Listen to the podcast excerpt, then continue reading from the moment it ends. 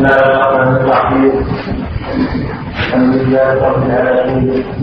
وصلى الله وسلم على نبينا محمد وعلى آله وصحبه أجمعين.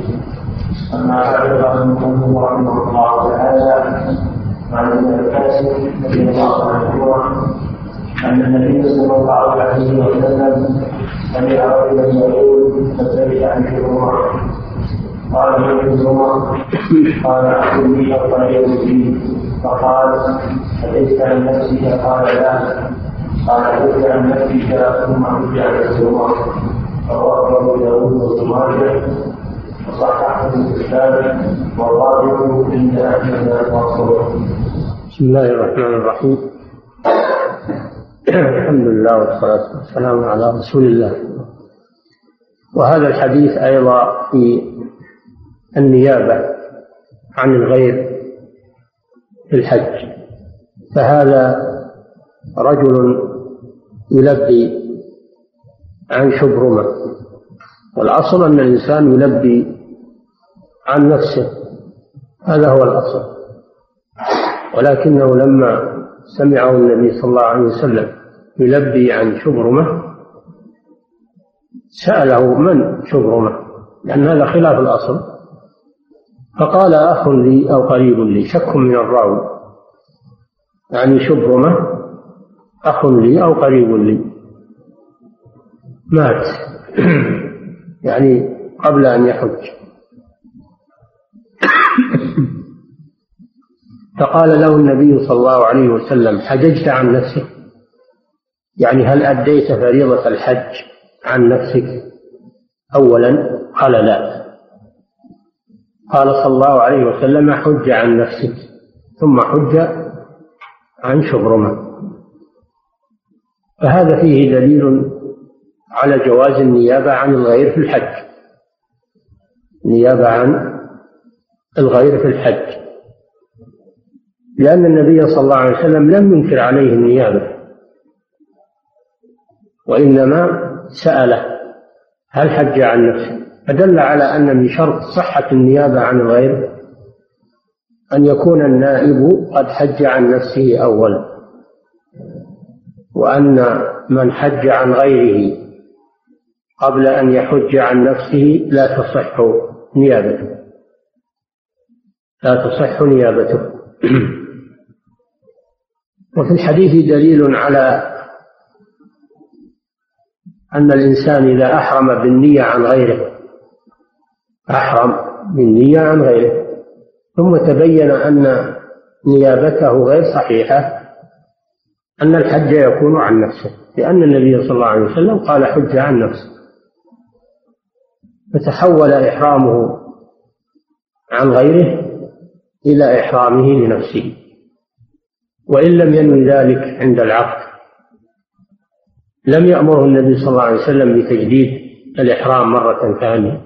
لأن الإحرام قد انعقد. دل على أنه إذا لم تصح النيابة عن الغير بعد الإحرام فإن الحج يكون أو العمرة يكون عن المحرم. كما أن في الحديث أيضا دلالة واضحة على تعليم الجاهل فإن النبي صلى الله عليه وسلم علم هذا الرجل كيف ينوب عن غيره. فيجب على طالب العلم أن يوجه الناس وأن يستفصل منهم إذا احتاج إلى الاستفصال يستفصل منهم ثم يوجههم إلى الوجهة الصحيحة. نعم. وعن رضي الله عنه قال أخبرنا رسول الله صلى الله عليه وسلم فقال إن الله جل عليه بالعلم فقال بن حارث فقال أجئت بعام يا رسول الله قال فقلت ما له فما زاد عنه صعوبة رواه الخمسة والترمذي وأصله في مسلم من أبي جابر والأرض إن الله كتب عليكم الحج أي فرضه عليكم فدل على أن الحج فريضة على كل مسلم ومسلمة لأنه هو الركن الخامس من أركان الإسلام. قد قال الله تعالى ولله على الناس حج البيت من استطاع إليه سبيلا. فالآية تدل على الوجوب أيضا بقوله في ختام الآية ومن كفر فإن الله غني عن العالمين. دل على أن الذي لا يحج وهو قادر على الحج أنه يكون كافرا. وهذا وعيد شديد. دل على تأكد فرضية الحج على المسلم. لأنه ركن من أركان الإسلام. فقام الأقرع بن حابس من أهل اليمامة معروف. فقال أكل عام يا رسول الله؟ أي هل يجب الحج كل عام على المسلم؟ فقال النبي صلى الله عليه وسلم لو قلت نعم لوجبت ولما ولما استطعتم. ذروني ما تركتكم فإنما أهلك من كان قبلكم كثرة مسائلهم اختلافهم على أنبيائهم. النبي صلى الله عليه وسلم لم يرضى بهذا السؤال من الأقرع. فإذا سكت الشارع عن شيء فلا ينبغي لنا أن نبحث. جاء في الحديث أن الله فرض فرائض فلا تضيعوها وحرم وحد حدودا فلا تنتهكوها وسكت عن أشياء رحمة بكم غير نسيان فلا تسألوا عنها.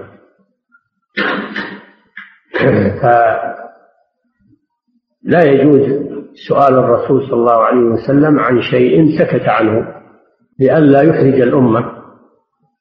قال لو قلت نعم يعني كل عام لوجبت عليكم كل عام ولما استطعتم. فيكون هذا بسبب هذا السؤال. أحرج الأمة بسبب هذا السؤال. فالحديث يدل على أن الحج فرض على كل مسلم ومسلمة مع الاستطاعة. وأنه مرة واحدة في العمر. وما زاد فهو تطوع. الحج مرة واحدة. وهذا من تيسير الله سبحانه لأن الحج يحتاج إلى سفر يحتاج إلى مؤونة وفيه خطر وفيه مشاق. فخفف الله عن الأمة بأن جعله مرة واحدة في العمر. ولم يجبه كل سنة تخفيفا عن الأمة ورحمة بها. والنبي صلى الله عليه وسلم كما هو معلوم لم يحج إلا مرة واحدة. بعد البعثة ما حج إلا مرة واحدة. هي حجة الوداع. وقد اعتمر صلى الله عليه وسلم أربع عمر كما سبق لكم. أما الحج فإنه لم يحج إلا مرة واحدة فقط. هي حجة الوداع. فما زاد على الواحدة فهو تطوع. وإذا كان فيه مشقة وفيه زحام مثل هذه الأزمنة وفيه مخاطر الأولى أن الإنسان لا يكلف نفسه كل سنة يحج كل سنة كل سنة. وإذا كان عنده وفرة من المال فهناك مجالات للخير ينفقها فيها. قد يكون الصدقة على المحتاجين أفضل من نافلة أفضل من نافلة الحج. نعم.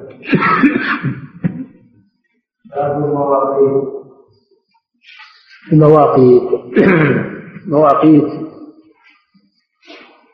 جمع ميقات. وهو الحد المحدد للعبادة. وهو الحد المحدد للعبادة. زمانيا أو مكانيا. الزماني مثل مواقيت الصلاة. إن الصلاة كانت على المؤمنين كتابا موقوتا. يعني مفروضة في أوقات معينة. هذه زمانية.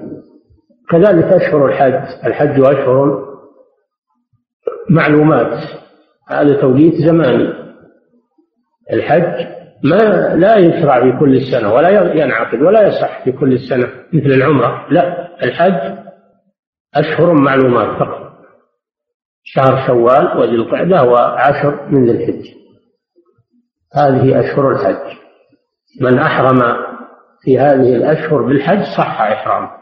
ولو أحرم قبلها لو أحرم في رمضان بالحج ما صح إحرامه لأنه ما دخل وقت الحج. هذا توقيت زماني للحج. وأما توقيت المكان فهي الأمكنة التي حددها النبي صلى الله عليه وسلم للإحرام منها. فلا يتعداها إلى مكة إلا وهو محرم. هذه أمكنة على طريق الحجاج من جميع الجهات إلى مكة لا يتجاوزونها وهم يريدون النسك إلا وقد أحرموا. فمن تجاوزها وهو يريد النسك ولم يحرم فقد ترك واجبا. ترك واجبا من واجبات الحج. فعليه أن يرجع. ويحرم من الميقات الذي مر به. فإن لم يرجع وأحرم من دونه وجبت عليه فدية جبرانا لترك الواجب. وسواء مر بها ماشيا على الأرض أو مر بها من الجو حاذاها من الجو أو حاذاها من البر أو من البحر إنه يحرم إذا حاذاها.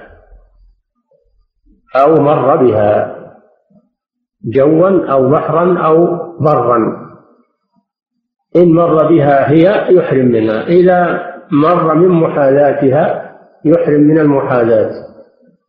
ولا يتجاوزها بدون إحرام. هذه هي المواقيت المكانية. وهي خمسة مواقيت. ذو الحليفة والجحفة ويلملم وقرن المنازل وذات عرق. هذه المواقيت التي حددها رسول الله صلى الله عليه وسلم. فذو الحليفة لأهل المدينة والجحفة لأهل المغرب والشام ومصر ويلملم لأهل اليمن وقرن المنازل لأهل نجد ذات عرق لأهل العراق وأهل القصيم ومن جاء عن طريقهم. هذا يوم كان الناس يأتون على الرواحل. أما الآن الناس يأتون عن طريق عن طريق السيارات المعبدة. فكل من مر في طريقه بميقات من هذه المواقيت فإنه سواء كان ميقاته الأصلي أو كان ميقات غيره. كما يأتي هذا. نعم. عن ابن عباس رضي الله عنهما أن النبي صلى الله عليه وسلم وقال لأهل المدينة الليلة ولأهل شام الجحفة ولأهل قاسم قاسم المنازل ولأهل اليمن هم لهم ومن فتح عليهم من الفتنة من أراد الحج أهل الله. ذلك من حتى أهل مكة من مكة متفق عليه نعم. هذا الحديث فيه أن النبي صلى الله عليه وسلم وقت يعني حدد حدد لأهل الجهات هذه المواضع التي يمرون عليها في طريقهم إلى مكة. كل موضعه في طريقه. هذا من تيسير الله سبحانه وتعالى. عددها من باب التيسير على الأمة. ولم يجعل للناس ميقاتا واحدا يجتمعون فيه بل عددها سبحانه تيسيرا على الناس. وهذا من رحمة الله سبحانه وتعالى. وهذا التحديد فيه معجزة من معجزات النبي صلى الله عليه وسلم. لأنه حدد هذه المواقيت في وقت لم ينتشر الإسلام ويتسع في الآفاق. فدل على أن أن هذا من معجزاته صلى الله عليه وسلم. لأنه بعد ذلك توسعت رقعة البلاد الإسلامية فشملت المشارق والمغارب. هذا من معجزاته صلى الله عليه وسلم. وقتل لأهل المدينة ذا الحليفة. أهل المدينة. مدينة الرسول صلى الله عليه وسلم. ذا الحليفة. والحليفة تصغير حلفاء وهي شجرة معروفة. شجرة الحلفاء. كان وقت لهم هذا الوادي وادي العقيق. وادي العقيق الذي يأتي من جنوب المدينة. من عند جبل عير. من عند جبل عير. وادي العقيق. حدد موضعا من هذا الوادي فيه هذه الشجرة. وعندها مسجد يقال له مسجد الشجرة. في عهد النبي صلى الله عليه وسلم. فحدد لأهل المدينة هذا الوادي وادي العقيق. ويبعد عن المدينة مقدار فرسخ فقط. يعني ثلاثة أميال عن المدينة. وهو أبعد المواقيت عن مكة. لأنه ثمان ثمان مراحل عن مكة. ويسمى الآن بأضيار علي. ديار علي. هذه تسمية حادثة والأصل هو الحليفة. إذا الحليفة أو وادي العقيق. وقتل لأهل المدينة الحليفة ولأهل المغرب.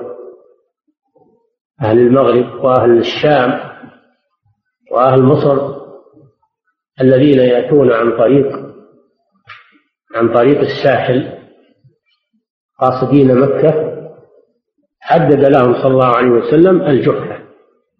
والجحفة قرية. قرية كانت على مكة من مرحلتين. قريبة من رابغ الآن. سميت بالجحفة لأن السيل اجتحفها لأنها على وادي فجاء السيل واجتحفها وخربت. وخربت وصار الناس يحرمون من يحرمون من رابغ رابغ قبلها بيسير. فمن أحرم من رابغ فقد أحرم قبل الميقات بيسير. والآن قد أعيد لها قد أعيد لها الميقات وبني وجعل فيه مياه وجعل فيه مرتفقات ومسجد.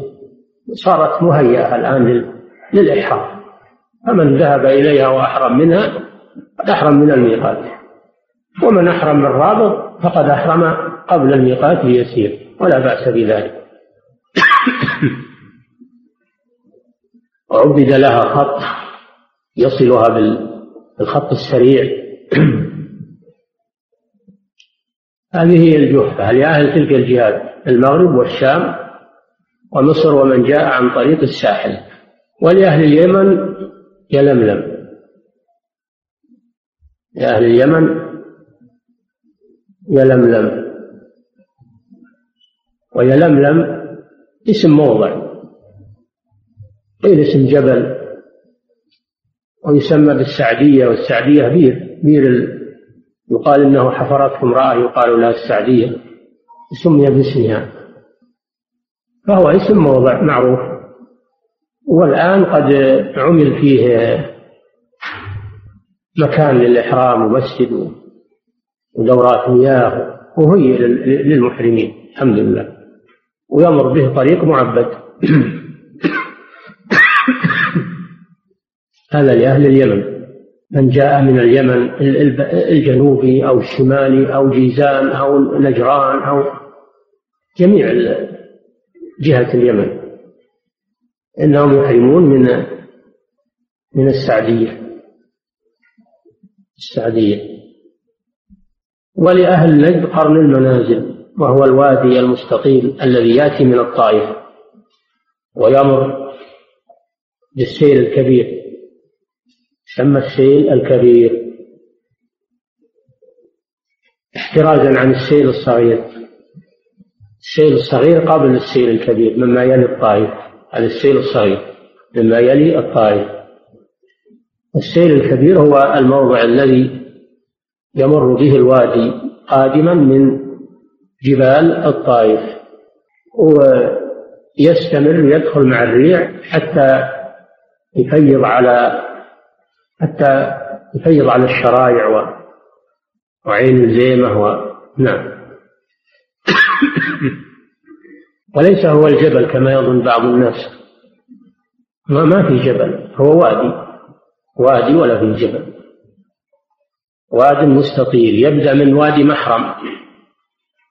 الذي يمر به طريق الطائف النازل مع مع هذا طرف الوادي. ثم يستمر حتى يأتي يعترض طريق نجد. يعترض طريق نجد من الشرق. ثم يدخل مع الريع. هذا هو السيل الكبير. هذا يحرم منه أهل نجد. أهل المشرق. من جاء من أهل المشرق يحرم من هذا المكان. ومن جاء عن طريق الطائف يحرم من اعتراض الوادي نفس الوادي هذا. نفس الوادي هذا يعترض قبل كرى فيحرم منه من الوادي لأن الميقات هو الوادي. وفيه محرم لأهل الطائف من من محاذاتهم النازلين مع كرى وفيه محرم لأهل نجد الآتين من طريق الرياض وجهة المشرق. والميقات واحد وهو هذا الوادي. قال هن لهن أي هذه المواقيت الأربعة. لهن يعني لهذه البلاد التي سماها. ولمن أتى عليهن من غير أهلهن. فمن جاء الشامي الشامي والمصري والمغربي إذا جاء عن طريق المدينة يحرم من ذي الحليفة. يحرم من ذي الحليفة. ولا يقول بصبر لما أن يجي ميقات أهل الشام والجهد لا يحرم من ذي الحليفة وكذلك النجدي إذا جاء عن طريق المدينة يحرم من ذي الحليفة وكذلك المدني إذا جاء عن طريق نجد يحرم من قرن المنازل. اليمني إذا جاء عن طريق المدينة يحرم من ذي الحليفة وهكذا. هن لهن يعني لأهالي هذه الجهات ولمن أتى عليهن أي مر بهن من غير أهلهن من أي جهة كان. يصير حكمه حكم أهل تلك الجهات ولا يقول أنا لي ميقات خاص بروح لمه لا. يقول له ما يجوز لك أحرم من هذا. ولمن أتى عليهن من غير أهلهن ممن أراد الحج أو العمرة. أراد النسك. أما الذي يمر يريد مكة في هذه المواقيت وهو لا يريد حجا ولا عمرة رايح له شغل. ما أراد حج ولا عمرة. هذا لا يلزمه الإحرام. لا يلزمه الإحرام. ويجوز أن يدخل مكة بدون إحرام لأنه ما نوى النسك. النبي صلى الله عليه وسلم يقول ممن أراد الحج أو العمرة. فدل على أن الذي لا يريد حجا ولا عمرة إنما نفذ إلى مكة لشغل. وهو لا يريد حج ولا عمرة فهذا لا يلزم الإحرام. ومن كان دون ذلك من كان منزله دون هذه المواقيت من كان منزله دون هذه المواقيت مما يلي مكة فإنه يحرم من منزله فمن حيث أنشأ يعني من حيث نوى الحج أو العمرة. من حيث نوى الحج أو العمرة ولا يقول له لا رحل الميقات. يقول لا ميقاتك هو بلدك. أو المكان الذي نويت منه الحج أو العمرة. تحرم منه. فمثلا أهل الشرائع يحرمون من الشرائع. يحرمون من الشرائع هي ميقاتهم. وكل من كان دون المواقيت مما يلي مكة من البلاد فإن من مواقيت أهل بدر مثلا أهل بدر يحرمون من يحرمون من بدر ولا يلزمهم يروحون للحليفة كذلك بقية البلدان التي هي دون المواقيت مما يلي مكة. مواقيتهم بلادهم يحرمون منها. أو إنسان دخل ومر بالمواقيت وهو لا يريد حج ولا عمرة ثم بعد ما تعدى قال والله ودي ياخذ حج أو عمرة. نقول أحرم من مكانك اللي نويت منه. ولا ترجع إلى الميقات لأنك يوم تمر بالميقات ما نويت شيء.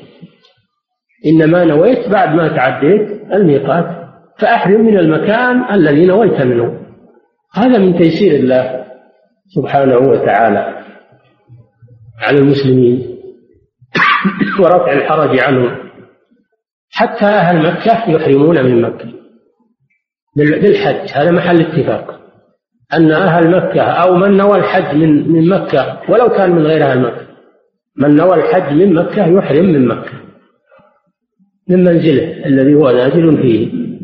أما العمرة إذا نوى من كان بمكة سواء كان من أهلها أو من غير أهلها نوى العمرة فهذا لابد يخرج للحلم يحرم من الحلم خارج الأميال إما من الجعرانة أو من تنعيم أو من عرفة. أو من الحليفة من من الحديبية من الحديبية. المهم أنه يخرج عن الحدود الحرام ويحرم بالعمرة ولا يحرم بالعمرة من مكة. هذا مذهب جمهور أهل العلم.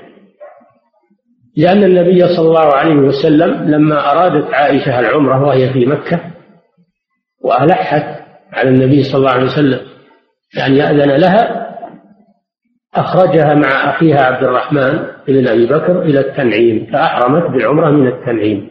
فلو كان الإحرام بالعمرة جائزا من مكة لأحرمت عائشة من مكة. وأيضا لأن النسك لا, بد أن يجمع فيه بين حل وحرم. بين حل وحرم. وأعمال العمرة كلها في مكة. طواف وسعي تقصير. كلها في مكة. فأمر أن يحرم من الحل لأجل أن يجمع بين الحل والحرم في نسكه. أما الحج فإنه إذا أحرم به من مكة سيضطر إلى أنه يخرج إلى عرفات وإلى مزدلفة فيجمع بين الحل والحرم ضرورة في الحج. لأن أعمال الحج بعضها في الحرم وبعضها خارج الحرم. عرفة خارج الحرم.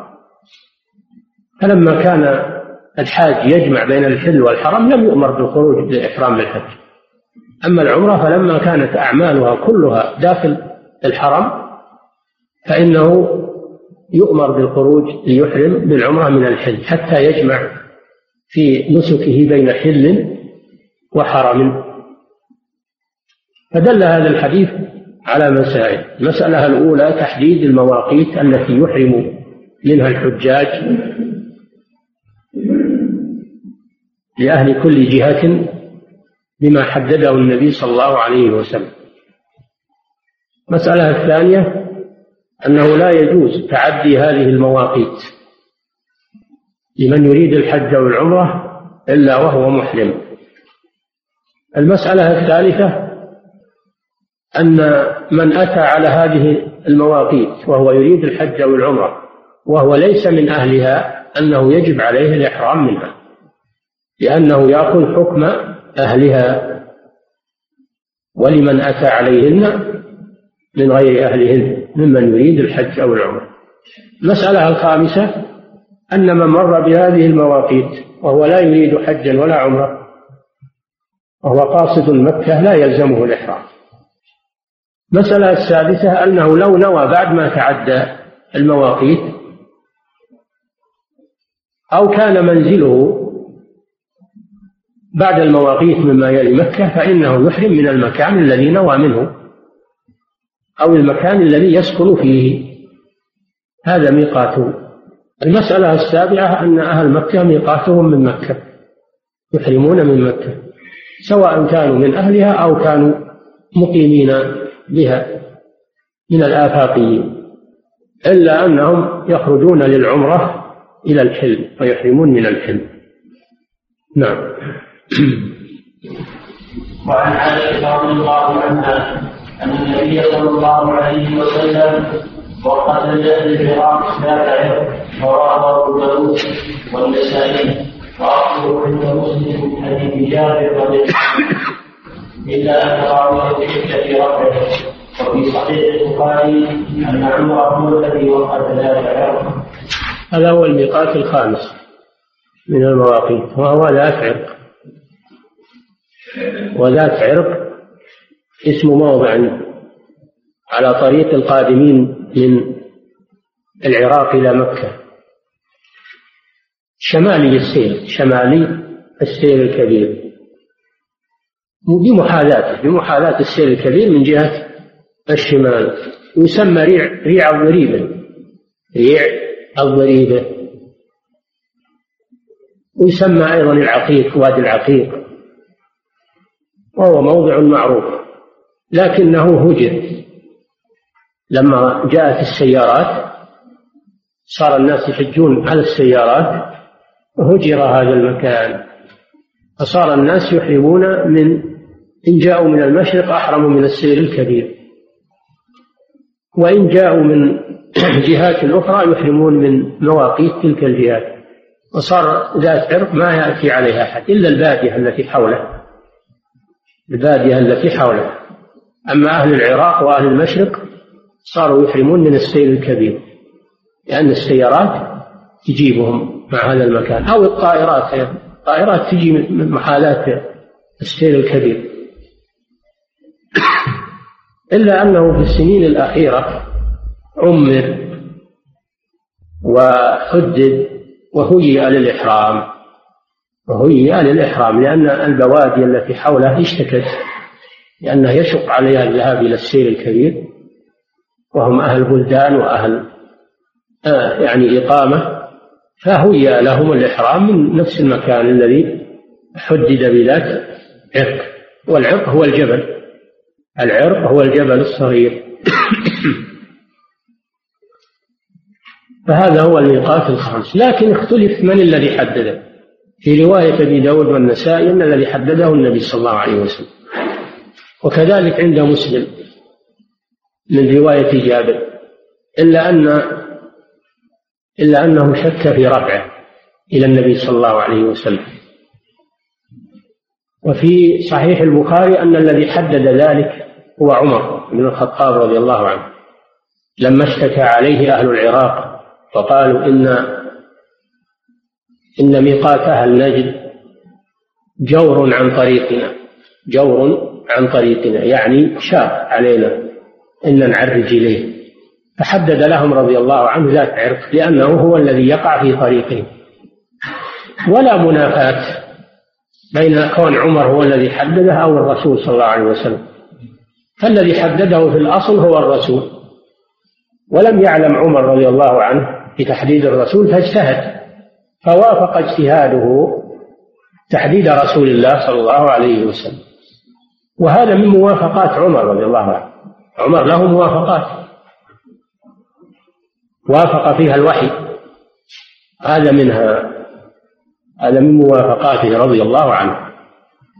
فثبت بهذا أن ذات عرق أنها ميقات شرعي حدده رسول الله صلى الله عليه وسلم واجتهد عمر رضي الله عنه فوافق اجتهاده تحديد رسول الله صلى الله عليه وسلم. نعم. وبهذا تكاملت المواقيت خمسة.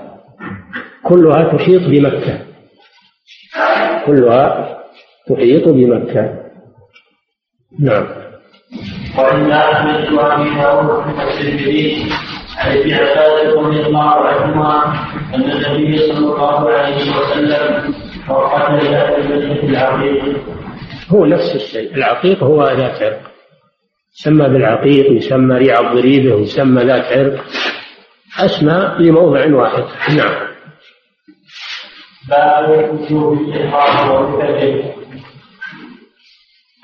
لكن قد تسأل وتقول الآن فيه أهل جدة منين يحرمون؟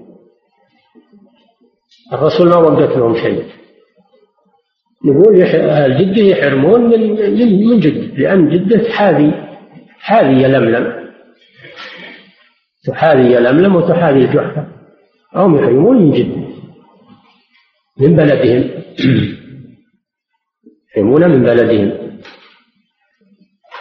وكذلك الذين يأتون من السودان ومن إفريقيا ومن هؤلاء يحالون المواقيت إن جاءوا من طريق البحر فإنهم يحرمون من محاذاة إن جاءوا عن طريق البحر من الجنوب فإنهم يحرمون من محاذاة السعدية إذا جاءوا من من الجنوب.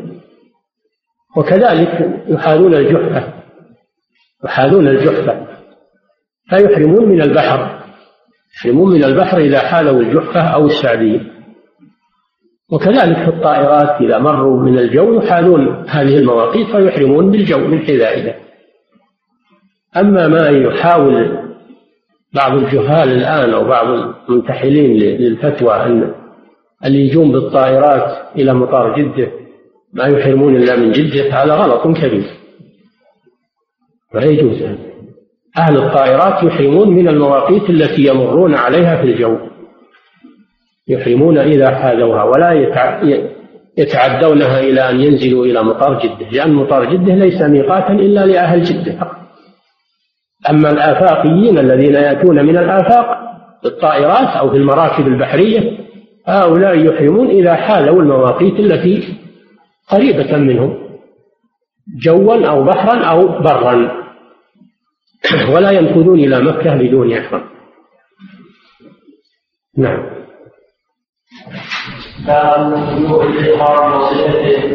وجوه الإحرام يعني أنواع الإحرام أنواع الأنساك التي يحرم بها. ثلاثة أنواع الأنساك ثلاثة أو وجوه الأنساك ثلاثة تمتع أو القران أو الإفراد. التمتع معناه أن يحرم بالعمرة في أشهر الحج. ثم يفرغ منها ويتحلل ثم يحرم بالحج من عامه في يوم التروية. هذا هو المتمتع. سمي متمتعا لأنه حل من إحرامه بين الحج والعمرة وترفه بلبس الملابس وتناول الطيب وما حرم عليه بالإحرام. تمتع بذلك بين الحج والعمرة. والنساء أيضا تمتع بزوجته فيما بين العمرة والحج. فالتمتع هو أن يجمع بين عمرة وحج في نسك في سفر واحد في سفر واحد ويتحلل بينهما تحلل بينهما تحللا كاملا. وأما القران فهو أن ينوي العمرة والحج في الميقات. ينوي العمرة والحج معا في الميقات أو يحرم بالعمرة ثم يدخل عليها الحج قبل الشروع في طوافها فيبقى على إحرامه إلى أن يؤدي مناسك الحج وتدخل أعمال العمرة تدخل أعمال العمرة في الحج. فيكون جمع بين نسكين بنية واحدة. وأما الإفراد فهو أن يحرم بالحج فقط. أن يحرم بالحج فقط ويبقى على إحرامه إلى أن يؤدي مناسك الحج يوم العيد. هذا هو الإفراد. وأفضلها التمتع لأن النبي صلى الله عليه وسلم أمر أصحابه به وتأسف تأسف أن لا يكون ساق الهدي وأنه تحلل معهم. وتمتع بالعمرة إلى الحج تأسف على سوقه الهدي وأنه لولا سوق الهدي لحل معهم وهو لا يتأسف إلا على شيء أفضل. دل على أن العمرة على أن التمتع أفضل المناسك وقال بعضهم إن الإفراد أفضل لأنه هو الذي أحرم به النبي صلى الله عليه وسلم. والصواب أنه لم يحرم صلى الله عليه وسلم مفردا. وإنما أحرم قارنا بسبب سوق الهدي بسبب أنه ساق الهدي معه من المدينة ساقه من الحل.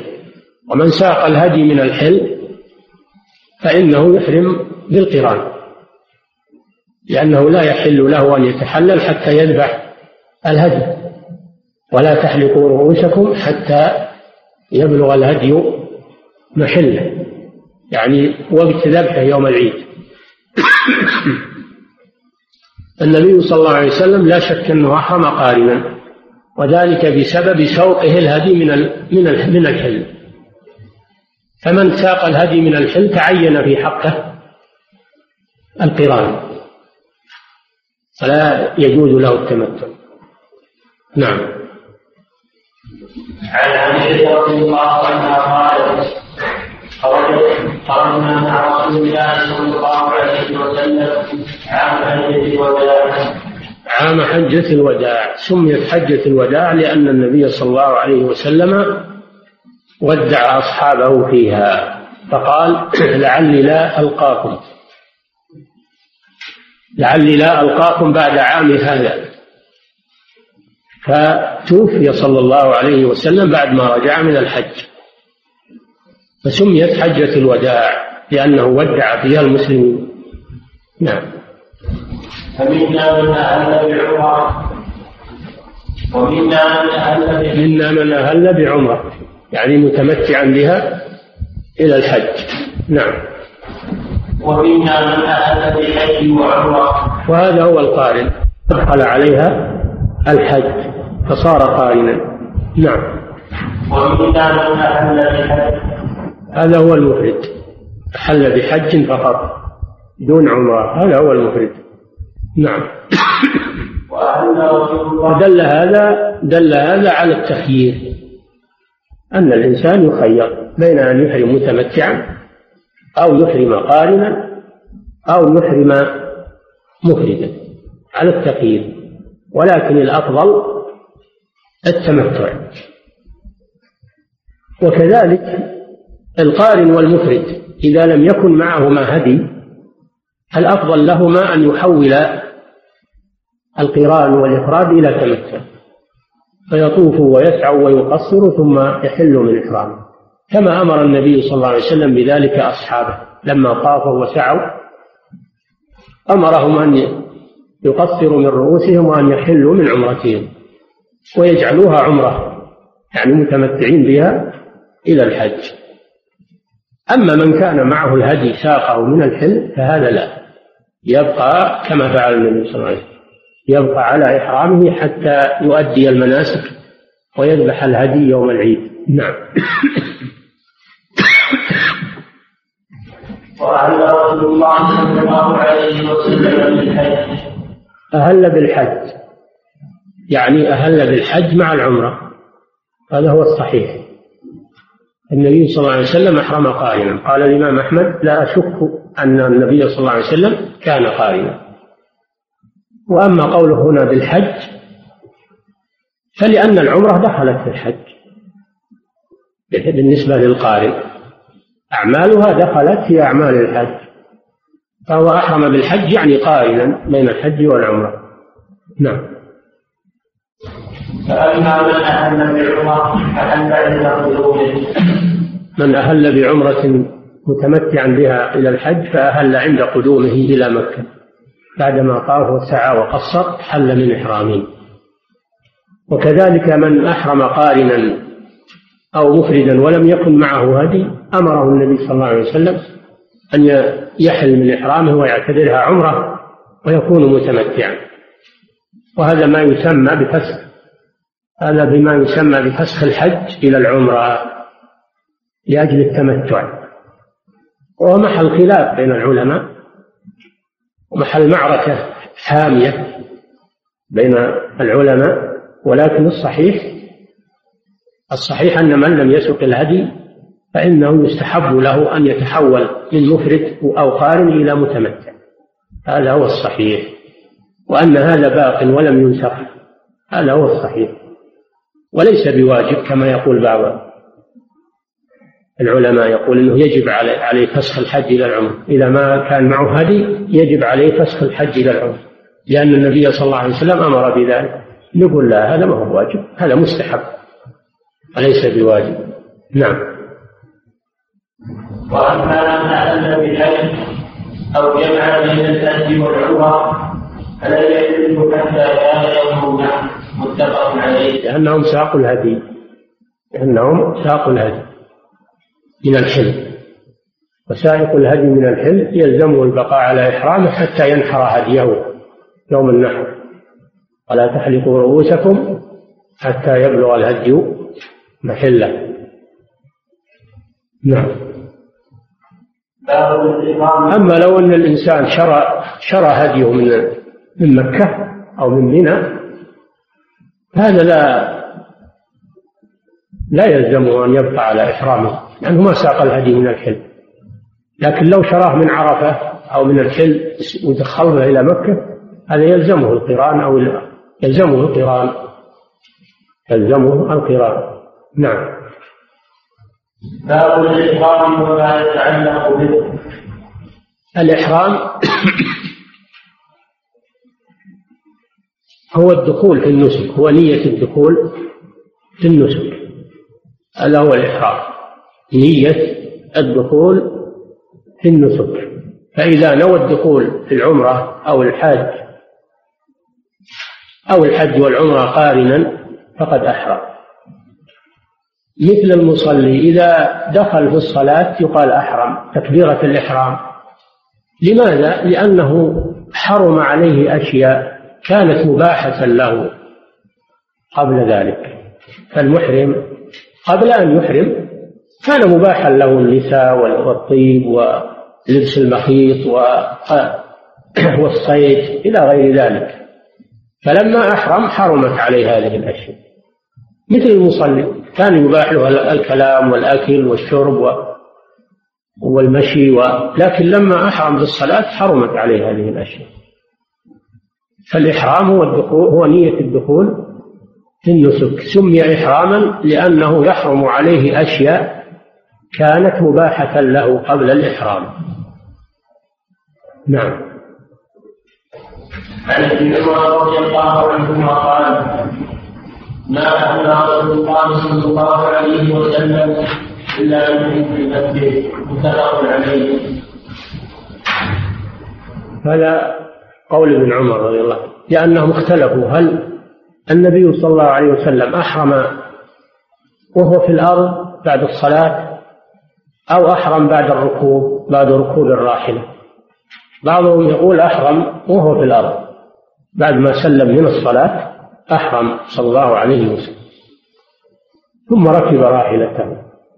وبعضهم يقول لا إنه ما أحرم إلا بعد ما ركب. والصحيح أنه أحرم من بعد الصلاة في الأرض. ثم لما ركب لبى. الذين سمعوه لبى بعد الصلاة قالوا أحرم بعد الصلاة.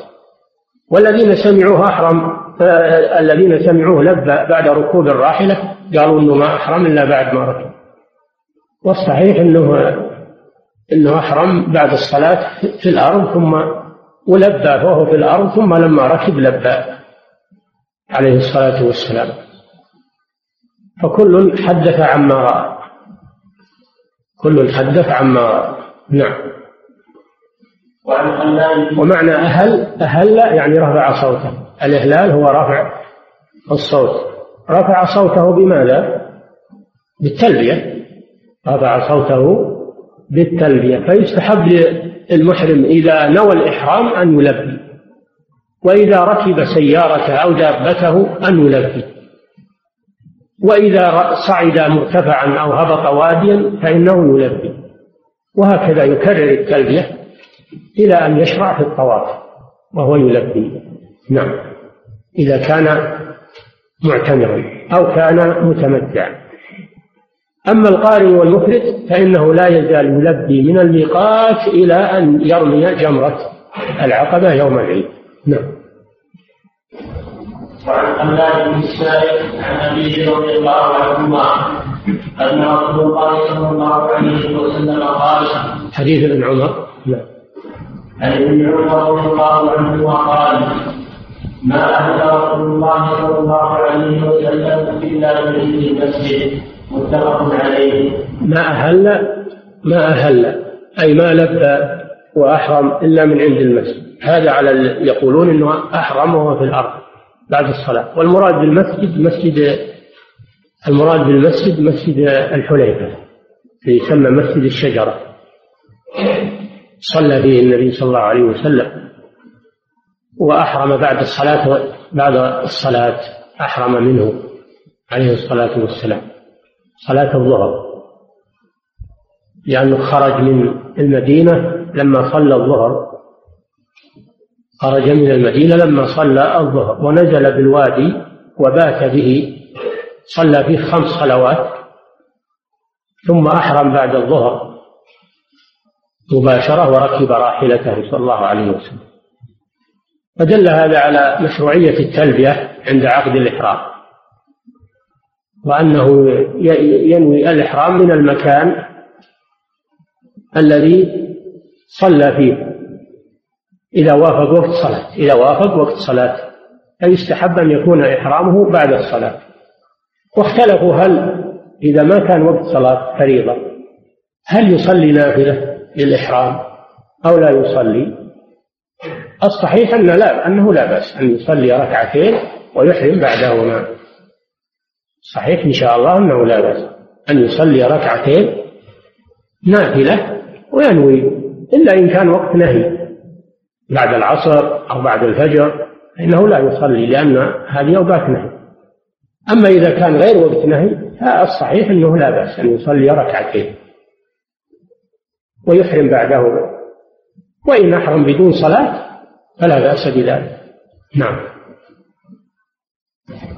وعن خلاد بن السائب عن أبي الله عنهما أن رسول الله صلى الله عليه وسلم قال أتاني جبريل فأمرني ان أمر أصحابي أن يرفعوا اصواتهم بالمثال رواه محمد وصححه الترمذي وفي الكتاب وهذا الحديث فيه مشروعية التلبية فإن جبريل أتى النبي صلى الله عليه وسلم فأمره أن يأمر أصحابه بالإهلال يعني برفع أصواتهم بالتلبية بعد عقد نية الإحرام بأن يقول لبيك اللهم لبيك لبيك لا شريك لك لبيك إن الحمد والنعمة لك والملك لا شريك لك لبيك. وإن لبى بغير هذه الألفاظ مما ورد فلا بأس بذلك. نعم. وعن زيد بن ثابت رضي الله عنه أن النبي صلى الله عليه وسلم تجرد تجرد لإنسانه واغتسل رواه الترمذي وحسنه نعم هناك أشياء تعمل قبل الإحرام تهيئة. من باب التهيئة لأنه سيدخل في عبادة عظيمة.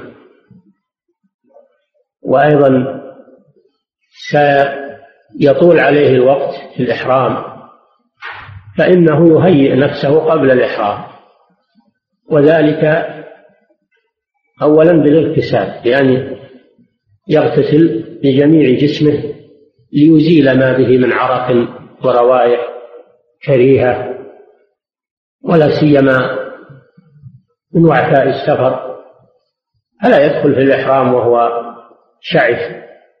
أو هو على روائحه روائح السفر والغبار وغير ذلك. فيغسل جسمه وينظفه لأنه سيدخل في عبادة عظيمة يتهيأ له. ثم يتعاهد نفسه إذا كان في جسمه أشياء يحتاج إلى أخذها كالأظفار والشارب الطويل يقصه والآباط. فيها شعر يزيله العانة وهي الشعر الذي ينبت حول القبل والدبر يزيل هذه الأشياء لأنها تؤذيه. لأنها تؤذيه والوقت سيطول عليه فيزيل هذه الأشياء ويتخلص منها.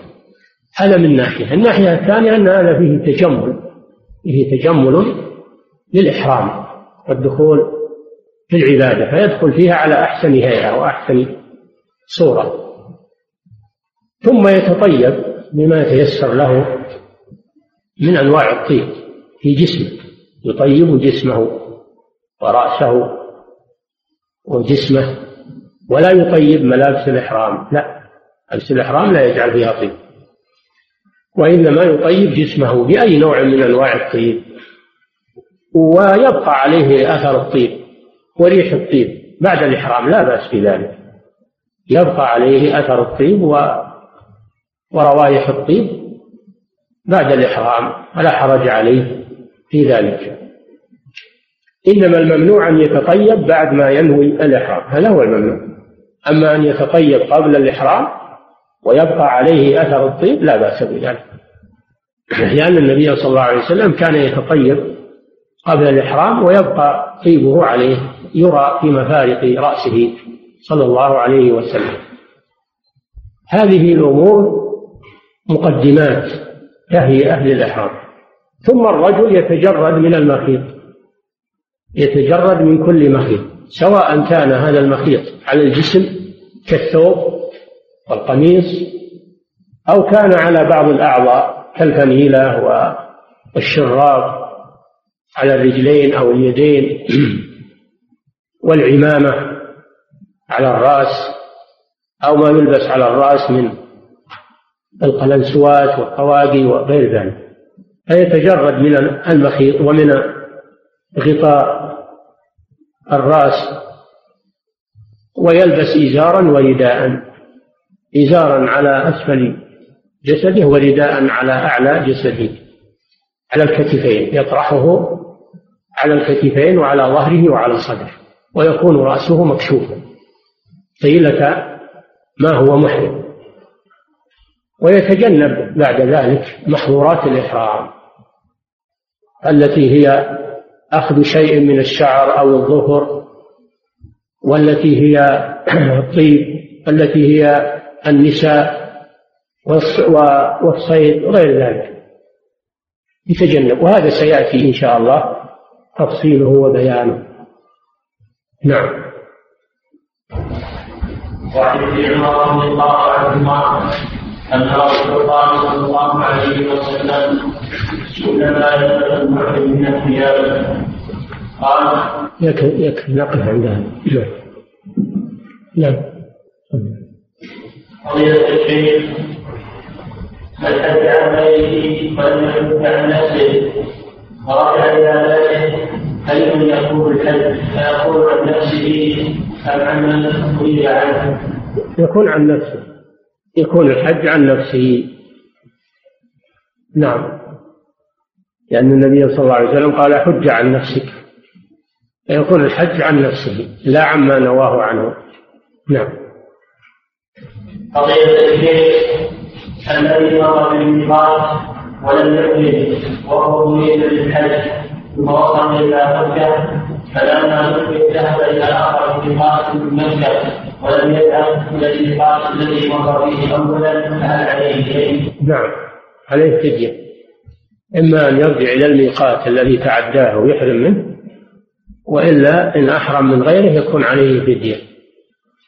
لأنه ترك واجبا. نعم ولا يكفيه أنه يروح إلى الحل أو للتنعيم أو ما يكفي هذا نعم. قضية الشيخ البوابة التي تصل جدة نعم متى يتم فتحها مع أنه لا يمرون يمرون وهم في البحر يحاذون. إن كانوا جايين من الشمال من شمال جدة هم يحاذون الجحر يحرمون إذا حالوا الجحر إن كانوا جايين من الجنوب هم يحرمون إذا حالوا السعدية. هم بين أمرين إما أن يحالوا الجحفة إن كانوا جاءوا من جهة الشمال وإما أن يحالوا السعدية إن كانوا جاءوا من جهة الجنوب من جدة. إنما ذكر الفقهاء أن الذين يأتون من بور سودان من بور سودان. فهؤلاء لا يمرون بمواقيت يصلون إلى جدة قبل أن يحاذوا أي ميقات. هؤلاء يحرمون من جدة. من بور سودان خاصة لأن بور سودان تقع محاذية لجدة تماما. ويأتون من البحر على طول معتدلين إلى أن يدخلوا إلى جدة هؤلاء يحرمون من جدة أهل بور سودان فقط. أما اللي جنوب أو شمال فهؤلاء يحرمون من حلاء الميقات الذي يمرون بمحاذاته إما الجحفة وإما السعدية نعم. سواء في الطائرات أو في المراكب أو في السيارات. نعم. قضية الشيخ هل يعد قائلا من اشترى قسيمة الهدي من الرياض مثلا؟ هل يعد؟ قائلا من اشترى قسيمة الهدي من الرياض. لا انه ما ساق هدي ما ساق هدي وإنما وكل من يشتري له الهدي في في منى. وكل من يشري له الهدي في منى. فهو كما لو اشترى هو بنفسه الهدي من منى. نعم. فضيلة الشيخ ركبت الطائرة أول المنطقة إلى مكة قاصدا للعمرة وأنا أتني ملابس الإحرام ولم أنهي الإحرام. وأخبرني بعض الإخوة أنهم سيكونون في الطائرة ميقات الإحرام. وأخبرت فلم يعلم ذلك وأوجدت أن قال الطائرة في بلاد وقت البحث استعدادا للنزول ففزعت ونويت الإحرام فوجدت أنا في الجو فهل هذا صحيح؟ صحيح الإحرام صحيح لكن يكون عليك فدية. يكون عليك فدية لأنك تعديت الميقات. لا الإحرام صحيح إن شاء الله. نعم. قضية الشيء هل يجوز للمعتمد أو الحاج أن يطوف وهو نحن الطفل الصغير الذي يلبس الكفارة خصوصا إذا كانت فيها موعظة عامة؟ لا بأس بذلك. إذا احتاج إلى هذا إذا احتاج إلى هذا لا بأس بحمل الطفل. ولو كان الطفل عليه نجاسة لكن يتحفظ من أنه تصل إلى جسمه أو إلى ملابسه. يكون عليه حفاظ ولا شيء يمنع. ولا مانع من أجل الحاجة. الحمد لله. وما جعل عليكم في الدين من حرج. نعم. قضية الشيء ما في في سفر الطائرة إلى جدة حيث عنده عمل فيها ثم يريد أن يذهب إلى مكة العمرة؟ فهل ويظل على إقامه وهو في عمله من ماذا يعمل؟ نعم يحرم. يجب عليه الإحرام من الميقات إذا حال الميقات. وهو بالخيار بعد ما يحرم. إن شاء أدى العمرة أولا ثم ذهب إلى عمله في جدة. وإن شاء ذهب إلى جدة وأدى العمل وهو في إحرامه. ثم إذا خلص ينزل إلى مكة ويأتي بالعمرة. يأتي بمناسك العمرة. المهم أنه ما يتعدى الميقات إلا وهو محرم. أما أداء العمرة هذا على حسب ظروفه وحسب مخير. إن شاء بدأ بالعمرة وإن شاء بدأ بالعمل وعليه الإحرام. نعم. قضية الشيء هل الشخص إذا أدى غيره يدعو لنفسه أن يحج عنه عند الوقوف بعرفة والطواف وبعد رد الجمار أم يحكي فقط التلبية عند الإحرام؟ الذي ينوب عن غيره يكون لغيره المناسك. يكون لغيره المناسك. وأما الدعاء والاستغفار والتلبية فهذه أجرها لنفس نفس الحاج. هذه أجرها لنفس الحاج. الصلاة في المسجد الحرام في المشاعر المقدسة هذه فضلها يرجع لنفس الحاج نفس النائب. المنوب عنه ما إلا المناسك فقط التي هي الطواف والسعي والوقوف في عرفة والمبيت في مزدلفة والمبيت في منى ورمي الجمار والحلق أو التقصير هذه تكون عن المنوب عن المنوب عنه وأما الأذكار والدعوات والصلوات فهي لنفس النائم نفس العام. نعم.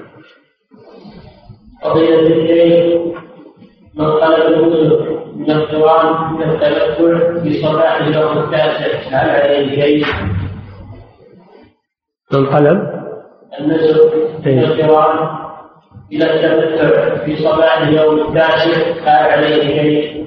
نعم إذا ذهب إذا إذا نوى قلب النسك لابد أنه يذهب إلى مكة ويؤدي العمر. يطوف ويسعى ويقصر من رأسه ثم يحرم بالحج ويطلع العرفة يصير متمتع وعليه فدية التمتع. أو بس يقلب النية ويبقى على لا ما يجوز لابد يؤدي العمرة. نعم. يؤديها قبل الحج. ويتحلل منها ثم يحرم بالحج في يومه أو في ساعته ما في بأس. نعم. فضيلة الشيخ كنت حافظا في الطائرة للذهاب لتأتي بالعمرة فلبست ملابس الإحرام من البيت ولما وصلت مقام الرياض قالوا إن الطائرة قد أقلعت فرجعت إلى البيت ومسحت إحرامي ثم بعد ذلك بمدة تيسر الذهاب إلى مكة واعتمرت فهل علي إثم في كسر الملابس وعدم الذهاب إلى العمرة بطريقة السلطان لبس الملابس مجرد لبس الملابس والتهيؤ للإحرام هذا لا يعد إحراما. الإحرام هو نية الدخول نية الدخول في النسك. فإذا كنت ما نويت الدخول في النسك وإنما لبست ملابس الإحرام فقط تهيأت ولم تنوي النسك فلا شيء عليك لك تغير الملابس. لأن يعني هذا قبل النية قبل الدخول في النسك. نعم. قضية الشيء اللون الزحمة الشديدة أليس الأحمر هو الإقبال؟ قد يكون هناك أناس لم يحجوا أصلا لا ما هو الأفضل الإفراد. الأفضل ما أمر به النبي صلى الله عليه وسلم أصحابه. هذا هو الأفضل. لكن الأفضل لمن حج فريضة ونافلة وفيه زحام وفيه شدة زحام ألا يحج. هذا هو الأفضل. وإذا كان عنده مال يتصدق به على المحتاجين وعلى الفقراء. هذا أفضل نعم. قضية الشيخ هل من ترك الزكاة عن الصيام أو الحج كسل أو تحاول عن إقراره بها فهل كفره كفر أكبر يخرج من الملة أو كفر أصغر؟ هو الظاهر الظاهر من كلام الصحابة ومن ظاهر الآية أنه كفر أكبر اللي عنده قدرة ولا حج وتساهل ما مات وهو ما حج هذا دليل على عدم مبالاته. ألا يبعد أنه يكفر الكفر الأكبر والعياذ بالله. أن هذا ما عنده مبالاة ركن من أركان الإسلام. وهو قادر عليه ويتأخر من غير عذر حتى مات. هذا دليل على عدم مبالاته. فهو قريب أنه يكفر الكفر الأكبر والعياذ بالله. نعم. قضية الشيخ لو أحرم الحاج المتمتع بالحج في شوال واعتمر ثم سافر إلى بلده ورجع إلى مكة بالحجة هل الرجل السابقة تكفي سوى الفطر بتمتعه أم لا بد من عمرة أخرى؟ لا ما تكفي انقطعت. العمرة السابقة انقطعت بالسفر والرجوع إلى بلده فإذا كان يريد تمتع فإنه يحرم بعمرة جديدة إذا رجع. أما العمرة التي سافر بعدها إلى بلده انقطعت صارت نسكا مستقلا. نعم. قضية الشيخ لو صارت وقت إحرامه في الميقات وقت اليد وصلى ركعتين بعد الوقوف ناويا بذلك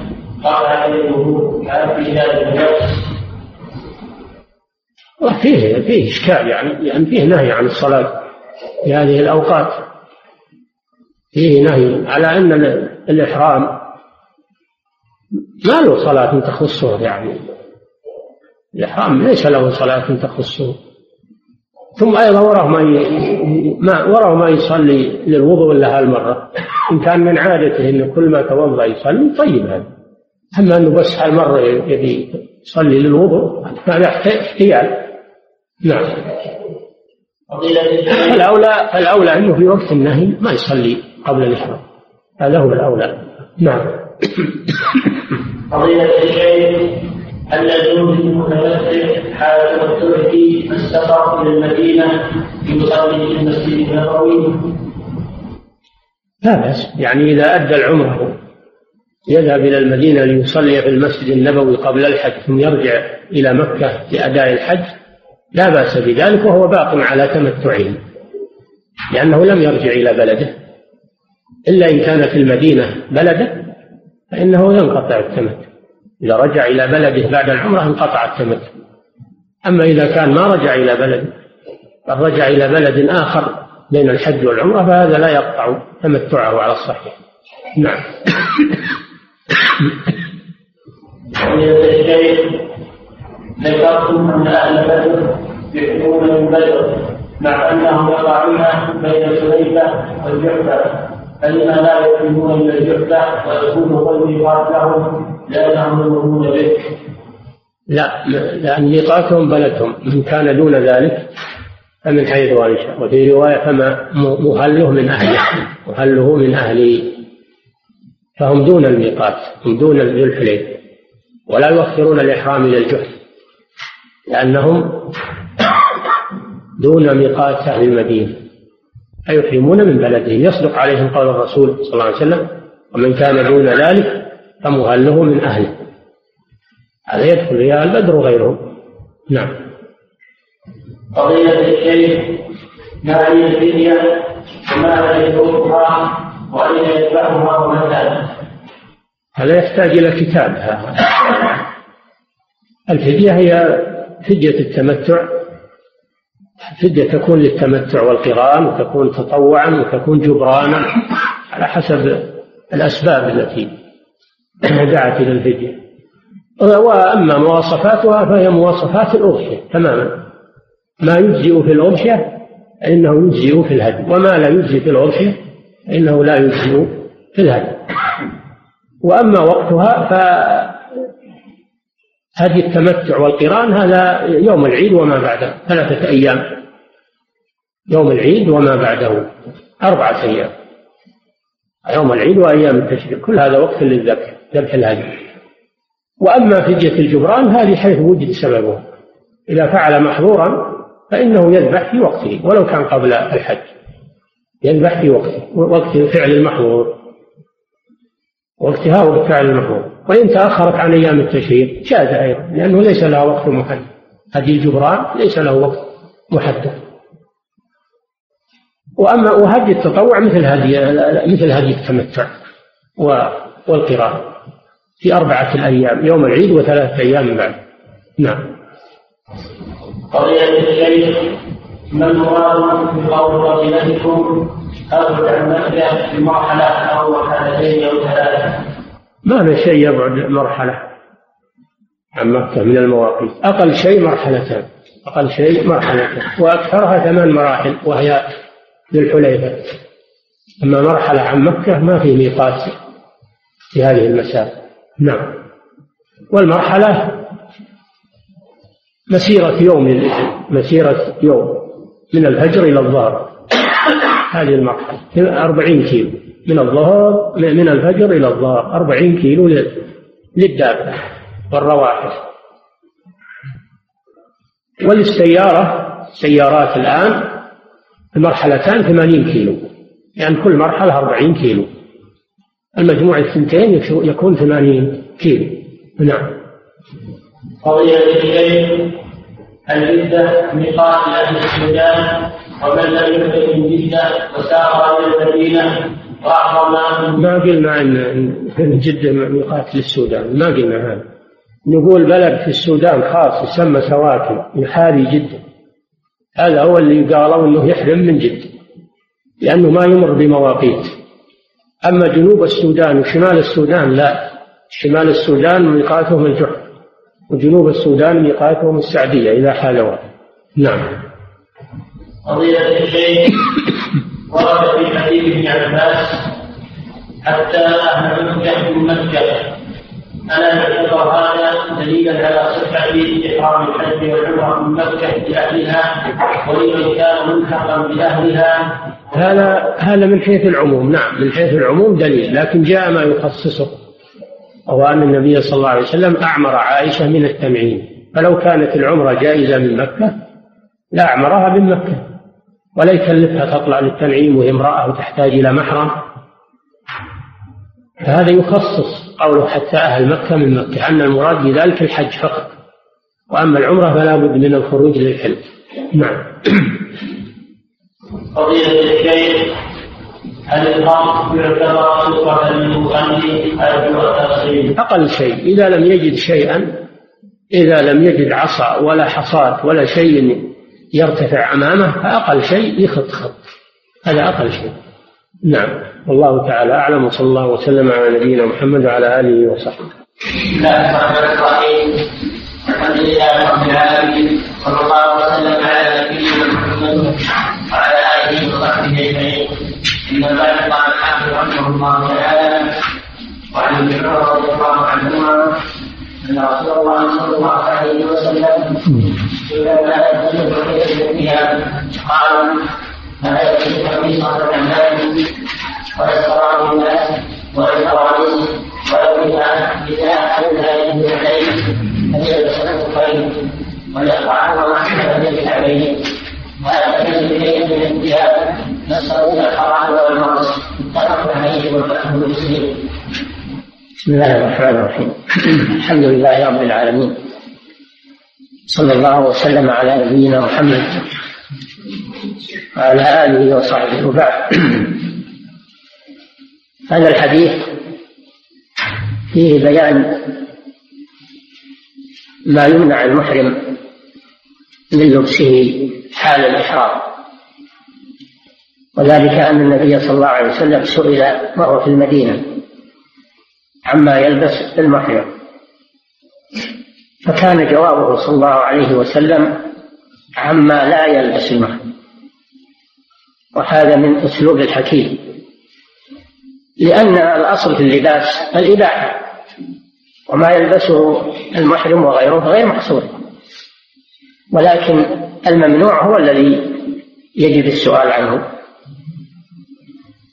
ولذلك أجاب صلى الله عليه وسلم عن الشيء الممنوع.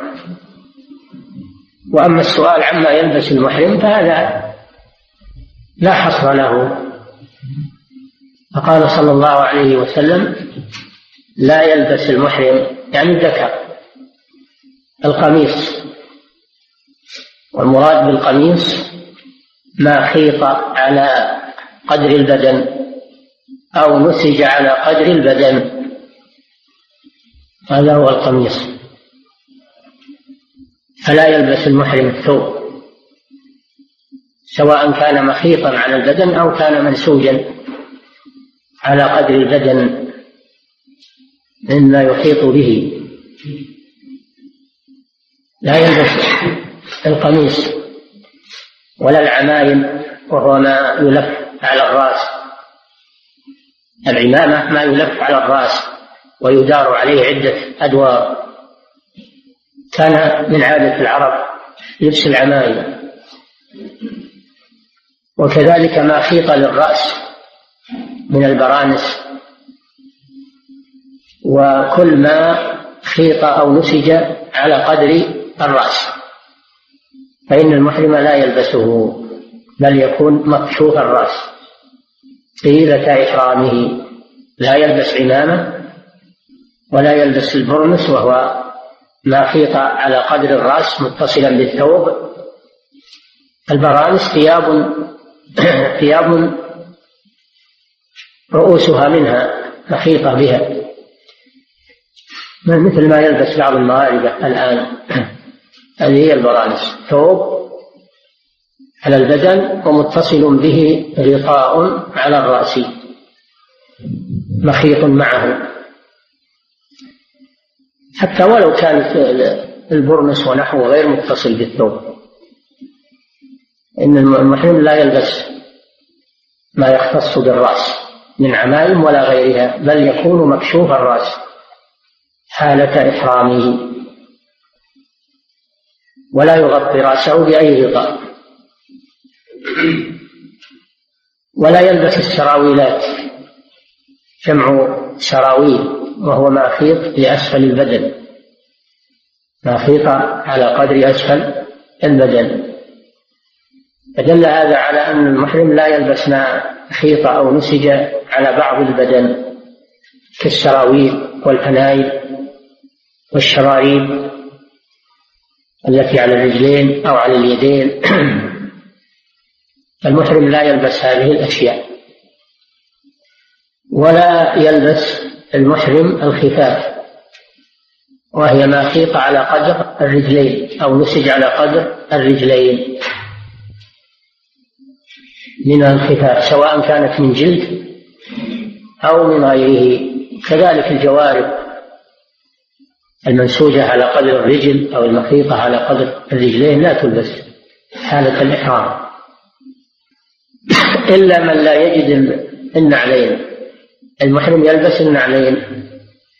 ومن لم يجد نعلين فإنه يلبس الخفاف ولا يمشي حافيا. وليقطعهما أسفل من الكعبين. يقطع الخف لأن الخف المعروف يستر الرجلين والساقين. هذا هو الخف الكامل. فإذا احتاجه المحرم فإنه يلبسه لكن يقطع ما غطى الكعبين أو زاد إلى الساقين فيقطع هذا ويكون الخف أسفل الكعبين فقط.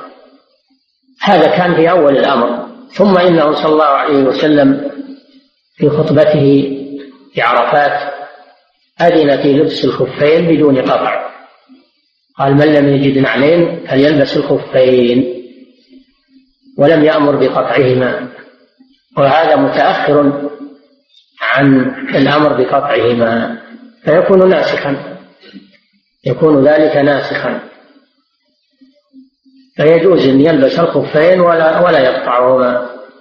هذا آخر الأمرين منه صلى الله عليه وسلم.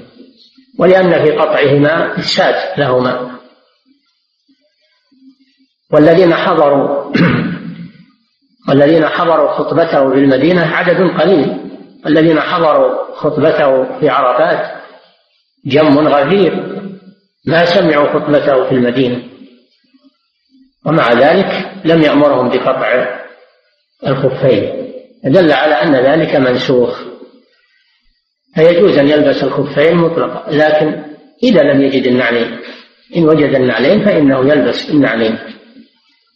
ثم قال ولا يلبس ثوبا مسه ورس. ما سبق هذا كله خاص بالرجال. ثم قال ولا يلبس ثوبا مسه ورس أو زعفران. هذا عام للرجال والنساء. فلا يجوز لبس ما مسه الورس وهو نوع من النبات طيب الرائحة. والزعفران معروف. أيضا نبات طيب الرائحة يصبغ به تصبغ به الثياب. فدل هذا على النهي عن لبس ما فيه طيب. لبس المطيب من الثياب. وأن المحرم ممنوع من من الطيب في بدنه أو في ثيابه. حالة الإحرام. سواء كان رجلا أو امرأة. المحرم لا يتطيب في حالة الإحرام. وإنما يتطيب قبل الإحرام في بدنه. ولا يضر إذا بقيت رائحته أو أثره عليه وهو محرم. إنما الممنوع استحداث طيب بعد الإحرام. هذا هو الممنوع. فدل هذا الحديث على بيان ما يتجنبه المحرم من اللباس وأنه يتجرد من هذه المخيطات ويأتي بإزار ورداء. يلبسهما بدلا عن كل هذه المخيطات. إزار ورداء للرجل. ولا يلبس هذه المخيطات. وأن يكون مكشوف الرأس طيلة إحرامه.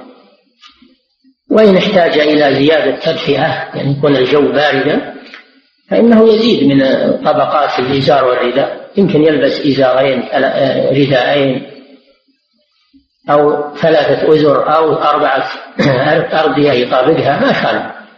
المهم أنه ما يلبس المخيط أما كونه يستدفي بأن يضاعف الرداء ويضاعف الإزار بأن يلبس طبقات